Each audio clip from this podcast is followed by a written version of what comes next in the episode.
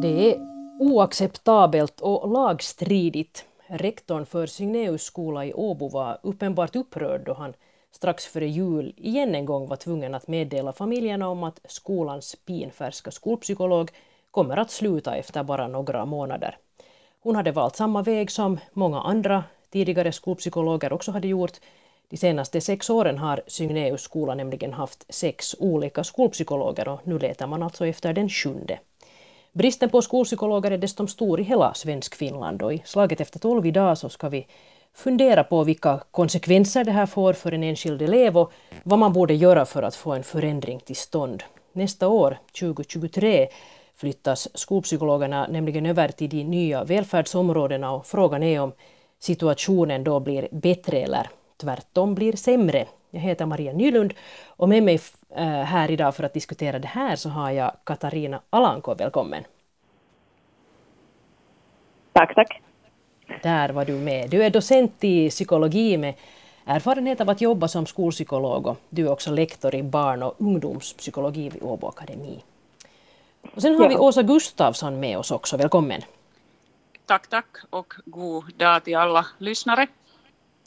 Du är nyligen invald välfärdspolitiker i egentliga Finlands välfärdsområde för Svenska folkpartiet, eller hur? Ja, det är jag. Och i studion i Åbo så har jag Lena Lehvonen som är teamledare för elevvården vid Signeus skola i Åbo. Välkommen! Tack så mycket och hej till alla lyssnare. Och så har vi också Pia Sidbeck som är speciallärare vid Signeus skola i Åbo. Välkommen du också! Tack, tack så mycket och hej på allihop! Vi är, vi är många kvinnor här nu så vi ska försöka hålla reda på rösterna här nu så gott det går. Ja, det där, vi, vi låter säkert lite lika. Det där Pia Sidbeck, om vi börjar med, med er i skolan. Berätta, i december kom nu alltså det här beskedet att er helt nya skolpsykolog säger upp sig efter bara några månader på det här jobbet. Precis som flera andra har gjort före henne. Vad, vad tänkte du då?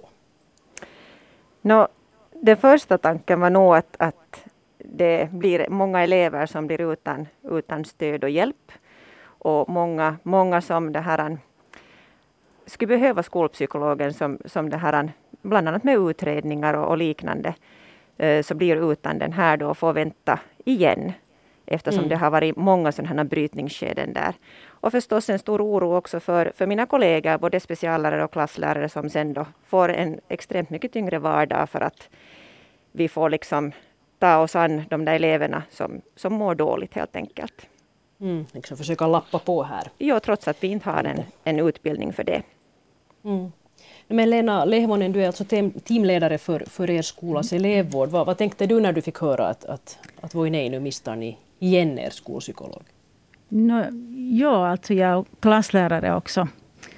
Och vad heter det? Och kanske, om jag tänker nu först ur den synvinkeln så är det ju liksom handlar det ju om att de har en lagstadgad rätt, de här eleverna, att få stöd, det vill säga bli sedda och hörda när någonting händer i deras liv. Och det kan ju förstås då handla om någonting som har med skolan att göra eller någonting eh, hos dem själva eller i familjen. Och, eh, eller så kan det vara flera saker som händer i deras liv samtidigt. Och det här kanske att inte ett barn blir sedd och hörd när det är akut. Så det är klart att det väcker känslor och det väcker åsikter. Men som sagt så handlar det inte egentligen om känslor och åsikter utan det handlar om en rätt som tas bort från dem. Och när man liksom tar bort en rätt från barnen så påverkar det klassen, det påverkar klassläraren, det påverkar föräldrarna, det vill säga familjedynamiken. Så det här, hur det här mönstret så att säga växer och, och hur det ser ut så blir ganska mångfaldigt. Så i det här hela stora mönstret, så även om det där barnet som i första taget då inte haft möjligheten att få det stöd, så påverkar det. Det är som en snöbollseffekt, att den blir större och större. Mm. Så jo, ledsamt att det är så här. Mm. Verkar vara väldigt svårt att, att komma åt eftersom det har pågått i många år det här nu redan. Men, men Katarina Alanko, eh, du har jobbat som skolpsykolog och jobbar nu som lektor i barn och ungdomspsykologi vid OA. Bland annat, hur låter det här i dina, i dina öron att skolpsykologerna säger upp sig så här på löpande band efter bara några månader på sitt jobb? No, det, där, det låter ju nog oroväckande. Att nu känner jag inte eh, exakt till den här situationen i Åbo, men så här eh, som utåt så tänker jag att, att um, om det verkar vara ett problem som är specifikt just för den här Signéskolan, att kanske det skulle gälla att på något sätt undersöka vad det handlar om just där, alltså att om det är arbetsbelastning eller, eller vad det är liksom inom de strukturerna som, som får folk att välja, välja att byta bort jobb därifrån då. Mm. Och det där, um, sen tänker jag nog som de andra också sa här att i och med att, att um, barn har liksom rätt att få, få vård och stöd då när det händer någonting, att det är jätteoroväckande om det går så att, att det blir väldigt långa pauser eller att man inte får det. Med tanke just på att barn är alltså just de köerna och den där väntetiden blir väldigt lång, alltså det finns ju ingen garanti att det kommer någon nu heller att de får den tjänsten därifrån, alltså just att, att de blir liksom utan, utan någon slags sakkunnig bedömning av det där, liksom behovet av vad det skulle vara att för en del kanske det handlar om att få en remiss till specialsjukvården eller den där liksom utredningen som skolpsykologen kan göra. Och för andra kanske det handlar mer om sådana liksom äh, stödsamtal eller, eller vård för äh, liksom till exempel en, en mildare depression eller något sånt här. De, de tjänsterna är ju som jätteviktiga för att på något sätt förebygga svårare problematik också. Att vi talar ju så fint i samhället om det här med tidigt ingripande och, och det stämmer ju att ju tidigare vi kommer åt problematiken så desto bättre kan vi ju förhindra att den blir som svårare och mer komplex och sådär. Men då tänker jag att skolpsykologerna har en jätte, jätteviktig roll just här för att, för att på något sätt kunna bedöma det där just att, att vem behöver liksom vilken slags vård eller hjälp och sådär. Att, att det låter nog som besvärligt den här situationen som ni talar om.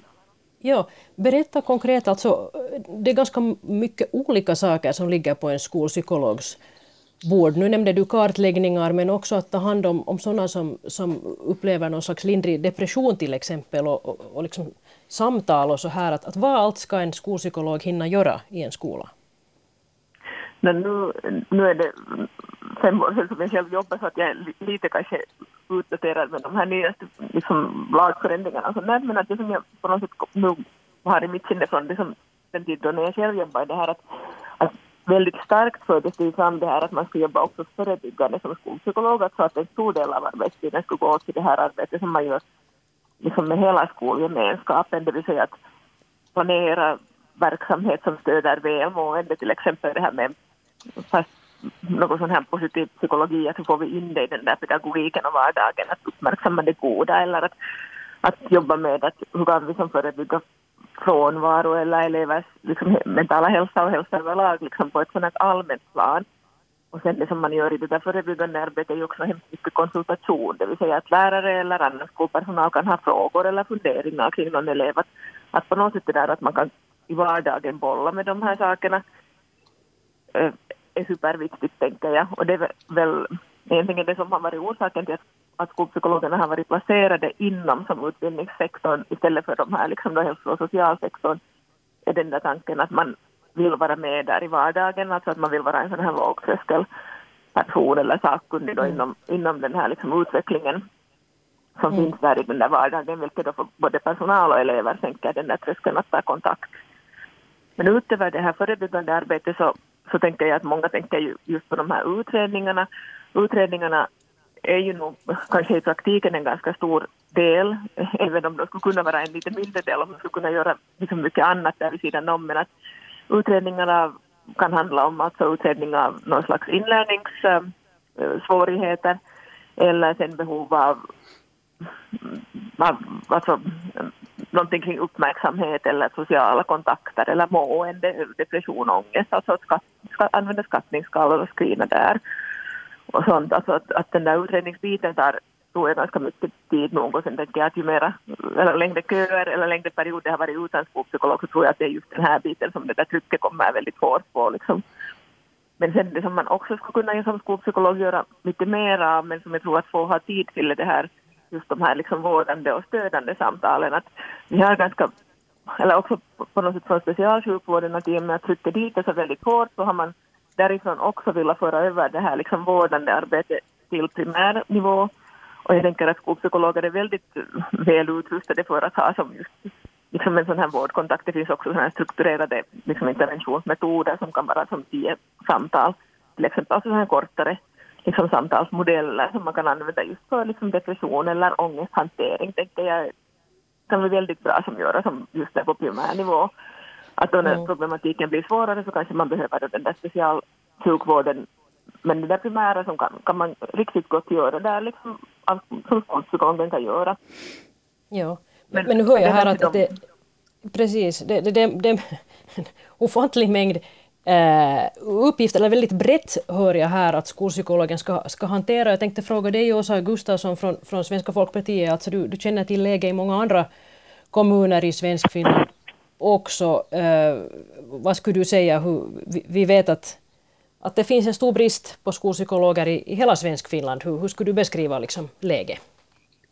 Så är nog, nog läget alltså att vi, vi står inför stora utmaningar och nu, nu vid det här välfärdsområdesvalet och diskussionerna om vissa yrkesgrupper var vi har eh, nu stora brister på, på eh, utbildade ut, utbildade sakkunniga så, så ser jag det jätteoroväckande. Alltså att tidigare så har det talats mycket om just bristen med sjukskötare och sånt och, och, och det här är nu en sak som eh, det inte har, jag, jag anser att det här har inte lyfts upp tillräckligt tydligt, alltså att, att eh, vi har en, en mycket, mycket stor brist på uh, utbildad personal inom elevvårdstjänsterna och, och, och det, som jag ser det så, så det här är någonting som det nya välfärdsområdet måste ta, ta nu till behandling i en ganska snabb takt.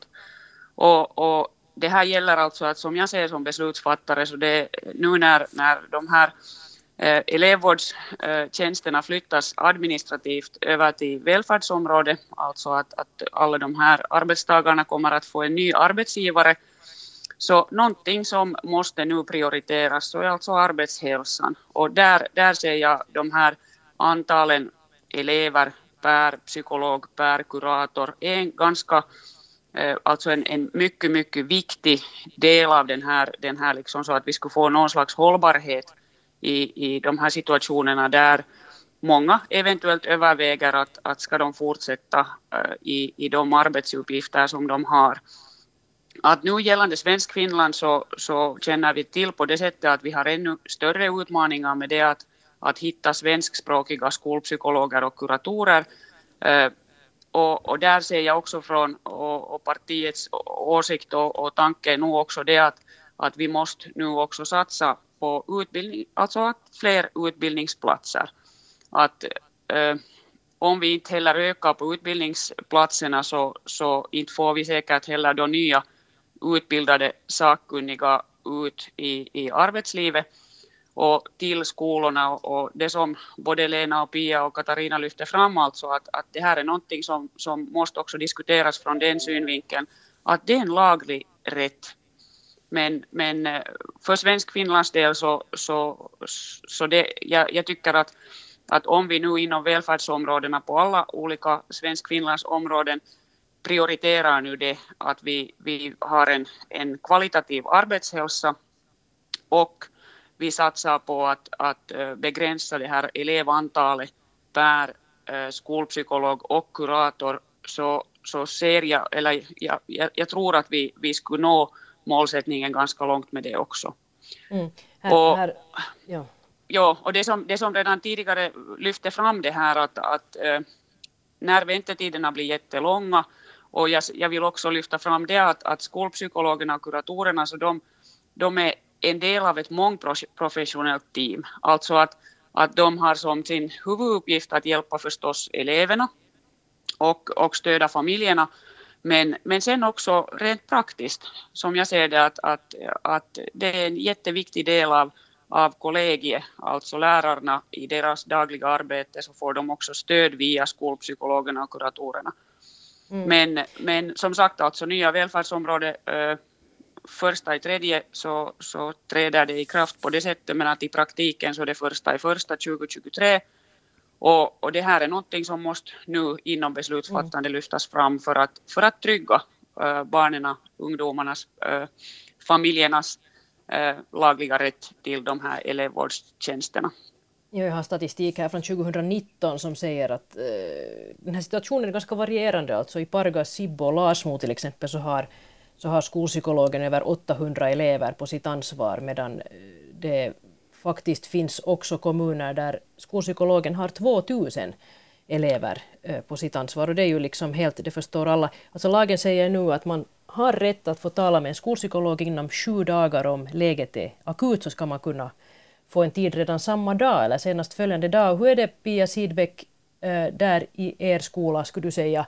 Är det här liksom ett en, en, en, en, en dröm bara liksom som man kan nu drömma om men att, eller, eller fungerar det enligt lagen i er skola just nu? Med tanke på stödsamtal eller sådana vårdande samtal som Katarina tog upp så, så har vi inte just nu möjlighet att professionellt kunna erbjuda det här. Att, att då, då liksom faller det på resten av personalen att kunna ge en tid för att lyssna till eleven. Mm. Men vi har ju inte den här professionella utbildningen till att, till att kunna liksom ge det på samma sätt um, hjälp till eleverna i det här läget. Och, och med tanke på liksom allt vad, vad den här skolpsykologens jobb innebär, som Katarina tog upp också, det här med tidigt ingripande och förebyggande verksamhet, eller att, att göra de här utredningarna, så, så finns det ju inte den möjligheten idag, för att det är enbart en skolpsykolog som, som till exempel kan göra de här utredningarna.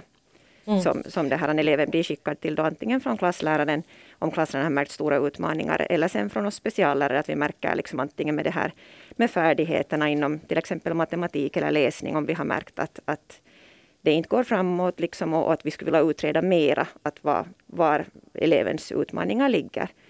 Och då blir det ju liksom att, att eleven sitter där i samma liksom den här ekorrhjulet och kommer liksom inte vidare helt enkelt. Mm. Kan du konkret beskriva eh, någonting som du som speciallärare liksom reagerar på hos en elev, att du tänker att, att den här eleven skulle, skulle vi kanske behöva göra en sån här kartläggning eh, liksom för, och där skolpsykologen då skulle behövas? Alltså vad kan det vara frågan om helt konkret?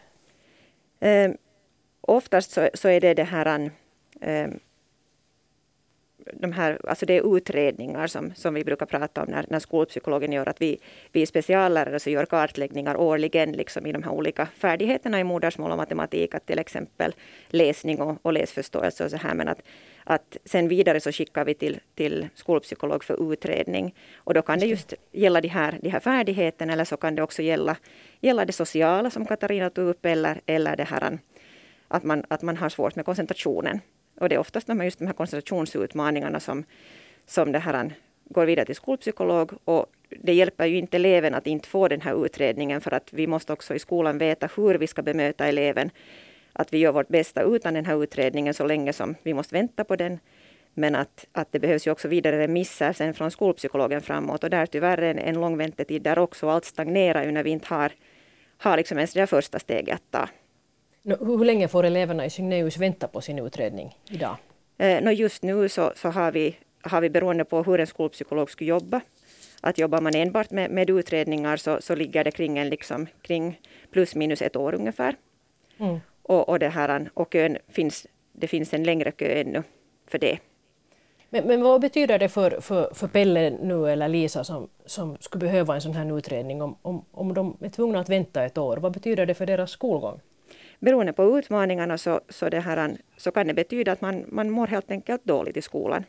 Man, man det här, får inte det bemötande som man borde få. Även om klassläraren gör sitt yttersta, men klassläraren har också en, en, en stor klass att ta hand om förutom den här eleven som, som har de här utmaningarna. Att, att det, liksom, det blir helt enkelt på plats samt, samtidigt som det, som det liksom kan börja påverka också självbilden för den här eleven. Att man liksom känner sig sämre eller känner sig fel i sammanhanget i skolan. Mm. Vad det tänker du Lena? Följder. Precis. Vad tänker du Lena Lehmonen om det här väntande? No, jag, jag instämmer här med vad alla har sagt tidigare och, och, och vad Pia säger nu. Och, och det är ju det här att, att tid och barn, så ett år för ett barn är en väldigt lång tid. Och under ett år kan väldigt mycket hända. Och, och om inte det här barnet då får det bemötande och det hjälp och det stöd som de behöver då, de redan har sett och konstaterat att det finns ett problem eller det finns en utmaning som måste, som måste åtgärdas. Så betyder det ju det att barnet har väldigt svårt att själv ha en sån här självläkande process utan det behövs en vuxen, en professionell vuxen som, som finns där med och stöda. Och för att veta hur man ska stöda så behövs en utredning. Så allt går lite hand i hand. Och, och precis som Pia sa, att, att klasserna är, där finns över 20 elever och, och där finns inte alltid den möjligheten att i varje stund se till varje elevs som har utmaningar att finnas där och bemöta just så som det barnet skulle behöva. Så, och det präglar ju förstås också sen och påverkar lärarens otillräcklighet i situationen. För det är ju det som är vår primära mål och, och det är vad vi vill att vi, vi finns där till för våra elever. Det är vårt arbete och vår uppgift.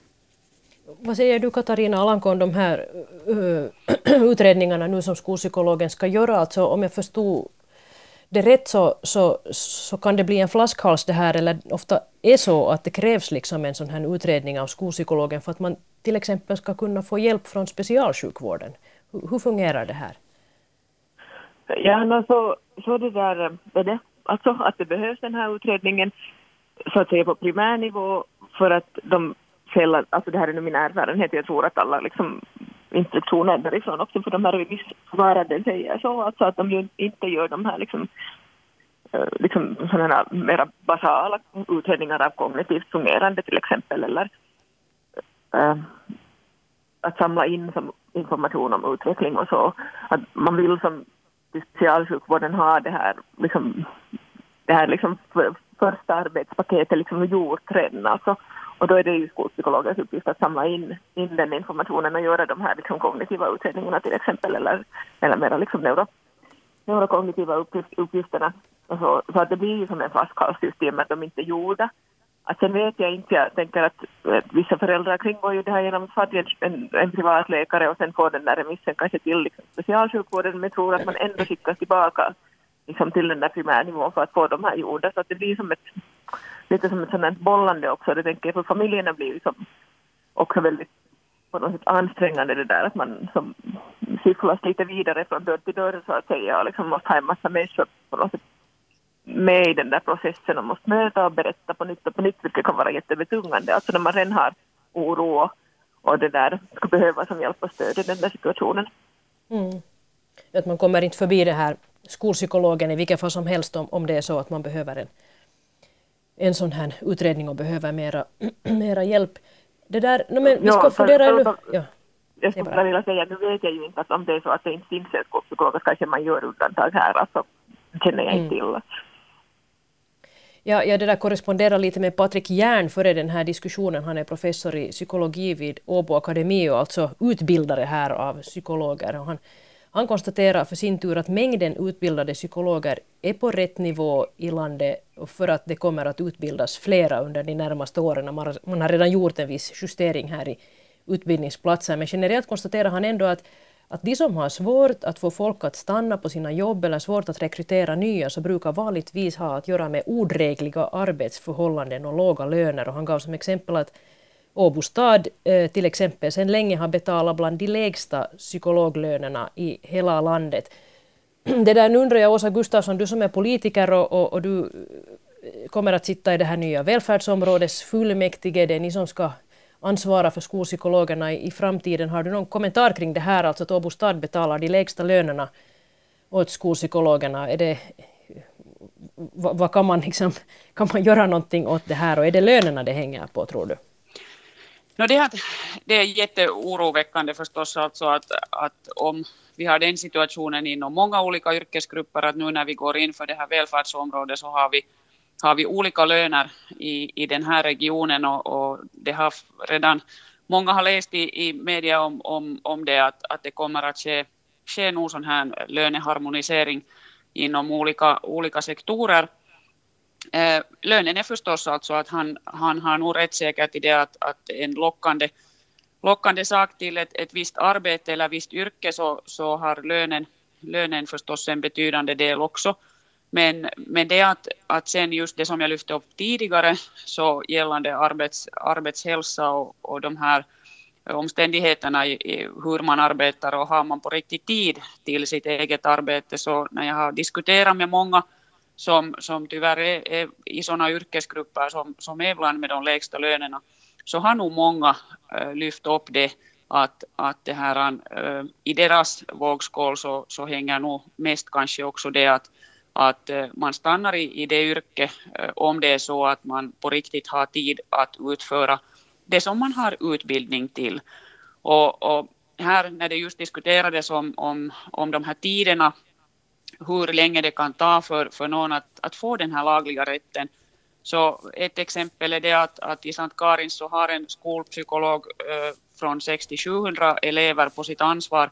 Men där är också det att, att, att den här psykologen har ansvar för elever från tre olika skolor.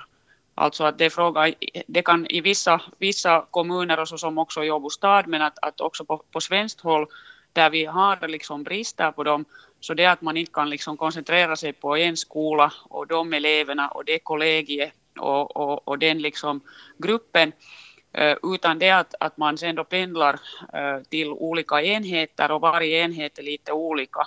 Och, och, det som också vi har i Sankt Karins, alltså ett sådant system att den här skolpsykologen ansvarar också för förskolan. Var de här just utredningarna träder liksom in i bilden när, när det är fråga om att ska en, ett barn liksom börja skolan uh, i sjuårsåldern eller åttaårsåldern. Uh, och, och det här ser jag också som, som en sak att det måste lyftas upp i diskussionen med att, att också gälla lönerna. Att, att om vi har skolpsykologer som som har flera olika enheter och, och har ett stort antal elever på sitt ansvar, så personligen så kan jag inte säga att den personen skulle ha samma lön som någon kurator på kanske en mindre enhet med, med mycket, mycket färre antal elever eller studerande på sitt ansvar. Mm. Och, och det här är nu det som uh, vi har en budget, vi har inom välfärdsområdet en 2,2 miljarders budget gällande de här välfärdsservicen eh, och också räddningsväsendet och nya fullmäktige. Jag hoppas verkligen att alla invalda förstår alltså det här budgetansvaret, men det att vi också har jättestora frågor nu som, som vi måste i snabb takt Eh, för att kunna sen då åtgärda de här förebyggande tjänsterna. För att nu om det är så att, att allt äh, fler barn inte får den service som de har laglig rätt till. Så vi känner också till tyvärr situationen i Åbo med barn och ungdomspsykiatriska enheten som är alldeles liksom proppfull. Och i vissa fall så har man då eventuellt inte fått plats eh, för barn som mår illa och då har man eventuellt måste sen då uh, göra eventuella barnskyddsplaceringar eller liknande. Och det här, det här är liksom det, det, är så oroväckande och det var också en, en motivering alltså att, att nu, nu, nu måste på riktigt liksom hittas sådana beslutsfattare som, som vågar ta i de här frågorna. För att det är frågan om vår framtid. Alltså att vareviga en euro som vi investerar i förebyggande tjänsterna och i, i mångprofessionellt arbete, så det är en investering i framtiden. Alltså att jag hörde just igår i nyheterna om det att, att, att de här barnen och unga som vi har nu i samhället, det är våra framtidens arbetstagare, det är våra framtidens liksom, äh, beslutsfattare, det är våra framtidens liksom, som kommer att hålla det här landet uppe. Mm. Så, så det att, att vi, har, vi har inte råd att mista, inte en arbetstagare, vi har inte råd att mista ett barn eller en ung eller, eller någon från det här samhället utan alla ska få den vård och service som de behöver i rätt tid och på rätt plats. Ja, du, var, du var inne på det här med, med Åbos ungdomspsykiatriska akutmottagning. Den är, den är fullständigt underresurserad. Det har vi följt med här i flera års tid redan. där Bland annat självdestruktiva barn och unga i akut behov av, av vuxet stöd de blir placerade på madrasser i, i korridoren. Och, och det, där, det, där, ja, det är liksom, som du sa, proppfullt, det är överfullt. Vad tror du Katarina Alanko, skulle, skulle liksom situationen kunna se annorlunda ut? Skulle behovet av akut eh, ungdomspsykiatri till exempel vara mindre om man skulle ha haft ordentligt med skolpsykologer i skolorna till exempel, som skulle ha fått sköta sitt jobb? Tror du? Nu tror jag inte att skolpsykologerna gör under allt så här för att ta bort allt illamående, men jag tror att att, eller som vi redan konstaterar här, liksom att man kan förebygga liksom svårare mental ohälsa genom att, att ingripa tidigt, så att en del ska man säkert kunna som förebygga. Och, så, och sen tänker jag, jag vet inte, alltså, nu blir det här kanske mer filosofiskt, men, men alltså någon slags sån här samhällsutveckling och strukturer och sådär där vi har barn och unga som, eller allt fler barn och unga som mår sämre, sämre och sämre och nu alltså effekterna av pandemin kanske förstås liksom syns också i det att, att då blir det ju kanske mera alltså skolpsykologerna i sig är ju en viktig kugge i det här, alltså, men att det handlar ju hemskt mycket om liksom alla strukturer där, eller liksom på något instanser där bara unga finns, att det finns som tillräckligt med, med liksom personal liksom på alla de här ställena i dagvården eller i skolan, att det finns liksom alla de där andra på något sätt också som stöder, stöder mm. i det där liksom välmående. Sen kan jag inte låta bli att, att kommentera den här diskussionen just om om det finns tillräckligt med psykologer och, och det där, um, att om det skulle vara alltså att utbilda mera, men jag tänker lite som i samma stil som Patrik där hade mejlat åt dig, alltså att, att vi har en, en viss mängd psykologer nu här i Finland, vi, var det just någon som sa alltså att det mest psykologtäta landet i världen, alltså. Att, att det finns ju nog något som är liksom, um, problematiskt i de här strukturerna, att, att de psykologer som finns inte söker sig till de här kommunala tjänsterna och av de kommunala tjänsterna som vi har att den här skolpsykologjobbet är liksom på ett sätt som ett sånt här tvågstatusjobb bland psykologjobben. Att jag tänker att det skulle behöva ett ordentligt ansiktslyft, den profil som man har som skolpsykolog för att det skulle vara lockande för de psykologerna som finns. Alltså. Och då tänker jag att det är lite som Åsa var inne på, det där med att man måste ha som mindre antal elever, ansvar för mindre antal elever, alltså att det där arbetet liksom miljön där man gör sitt arbete måste möjliggöra att man kan göra det på, på liksom bästa möjliga sätt, alltså, eller att det känns som ändamålsenligt och vettigt det som man gör. Att man inte bara släcker liksom bränder, att det kommer här panik liksom på något sätt samtal eller situationer där man är. Och sen tänker jag det där med lönen, alltså att nu är det ju så att, att det är ett helt underbetalt arbete på något sätt att rediga lönepåslag så gör det mera lockande. Precis. Och sen och nu, på något sätt den där ännu en sak som jag tänker är problematiskt i skolpsykologjobbet enligt den erfarenhet som jag har är att när man jobbar med liksom stödfunktioner inom skolvärlden så är det lite problematiskt att de liksom inte på ett sätt prioriteras i den där vardagen, att det kommer skolans liksom takt är så snabb och det kommer alltid matteprov och det kommer alltid utfärdsdagar och det är svårt för, för liksom de här stödfunktionerna att få in sina tider, till exempel att få det där på ett sätt att löpa.